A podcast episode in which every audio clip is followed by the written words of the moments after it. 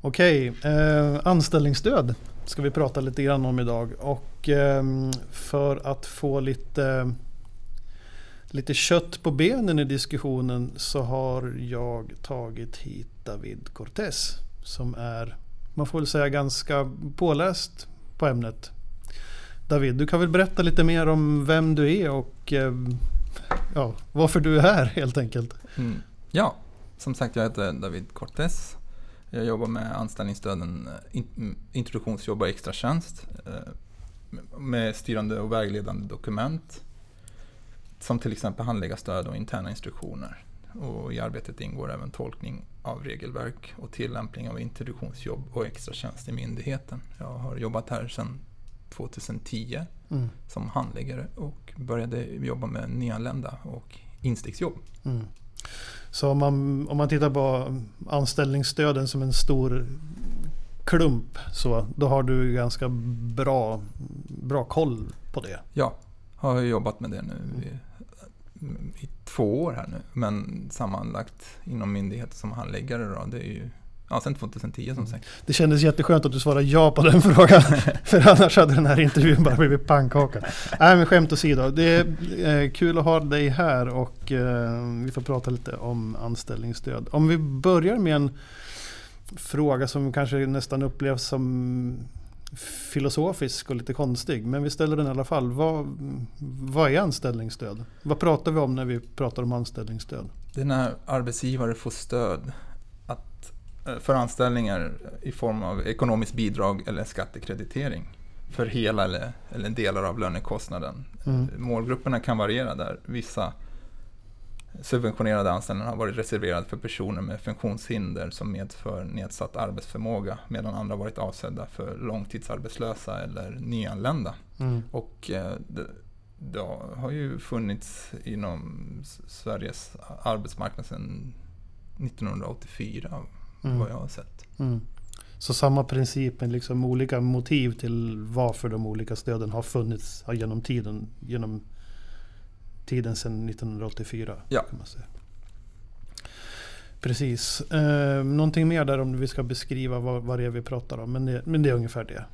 Ja, alltså det, det alltså, en av motiven att man, man har olika typer av anställningsstöd är ju att kompensera den arbetssökandes produktivitet som inte är tillräckligt hög mm. för avtalsenliga lönekostnader. Men det här, det här, är ju en, en uppfattning. Det, ja, betyder, det kan man ju inte nej, veta så, kvantifiera kanske. Nej, det betyder ju inte att det är så. Mm. Det är ju därför vi också går in och, som en, och, och vi utreder ju de, de sakerna. Mm. Och ibland kan det vara ett bra komplement att, att eh, använda sig av andra stöd inom Arbetsförmedlingen mm. än just anställningsstöd. Mm. Och ibland så är det just anställningsstödet ja. som ja. är det som, som är pusselbiten som fattas.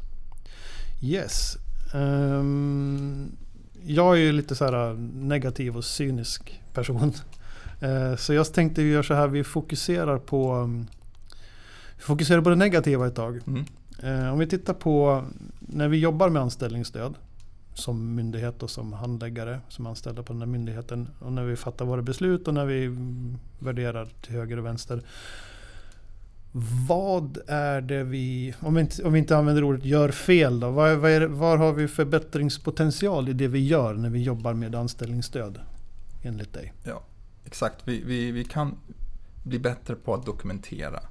Vi mm. dokumenterar de momenten som som ska dokumenteras så att allmänheten, eh, granskningsmyndigheter kan se varför vi har tagit ett beslut. Vi måste ju visa mm. för ja, arbetsgivare eller arbetssökande eller ja, som sagt allmänheten varför vi har tagit ett beslut. Det är ju det som mm. är, är vår skyldighet. Låter som väldigt så här klassiskt statstjänstemannaskap helt enkelt. Ja. Mm. Eh, så vi kan bli bättre på dok alltså det, det är viktigt att dok dokumentera ja, det, så då kan man alltid bli viktigt. bättre på det. Är det någonting, någonting mer där på förbättringssidan?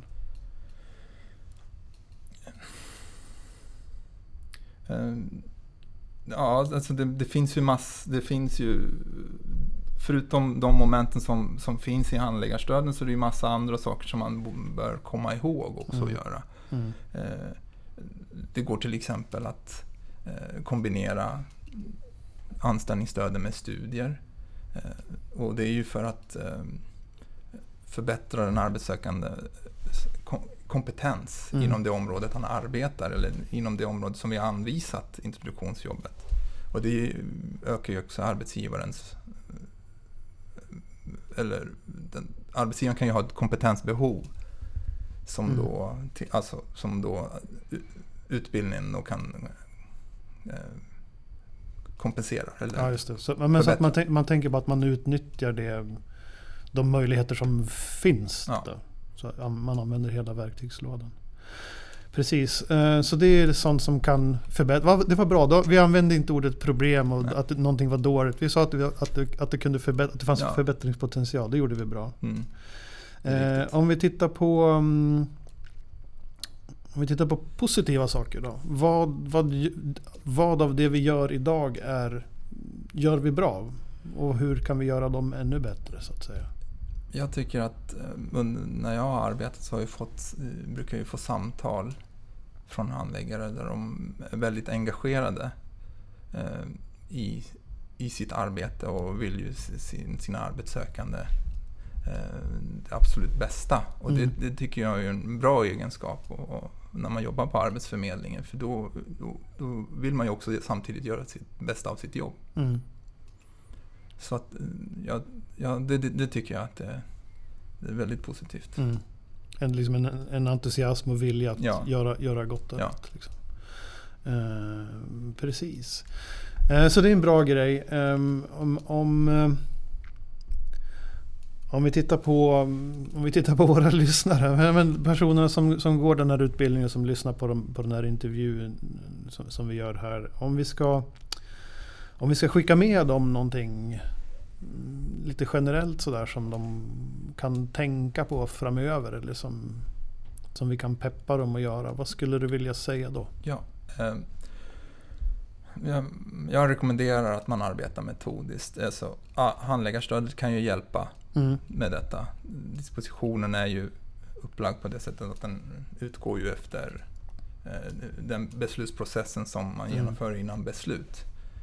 Och där vill jag också samtidigt poängtera med att vi, att vi inte säger no någonting om att, vi kommer ta, att det här blir ett beslut, utan man levererar ett beslut när man har genomgått all, mm. alla de här punkterna som ska genomföras i mm. handläggarstödet. För annars kan man, man, man, använder de verktyg som man ska använda i rätt ordning först. Ja, så att för att det kan ju komma fram sen att det inte är, finns möjlighet till anställning. Och då har man ju samtidigt sagt till arbetsgivare eller arbetssökande att de kan få det. Mm då blir det ju fel. Mm.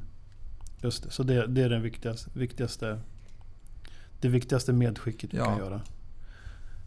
Um, jag tänkte på de här, vi gör ju, vi gör ju flera sådana här intervjuer om andra ämnen, ändå ganska angränsande ämnen till anställningsstöd. Skulle du se något som helst, nu kommer en väldigt ledande fråga. Mm. Ser du någon som helst vinning med att lyssna på de intervjuerna också? Ja, eh, jag, jag vet med mig att man även genomför poddar för samråd och försäkringar. Mm. Och allting hänger ju ihop med anställningsstöd, anställningsstöden. Man ska ju genomföra ett samråd och, för, och eh, kontroll av försäkringar. Mm. Så att de går ju mycket mer djupare in på varför och hur. Så, mm. så att jag rekommenderar att man även lyssnar på de poddarna. Mm. Bra. Vi, vi, vi betraktar det som, som avslutningen på på intervjun om anställningsstöd. Ja, får tacka för mig. Tack så du ha. Tack.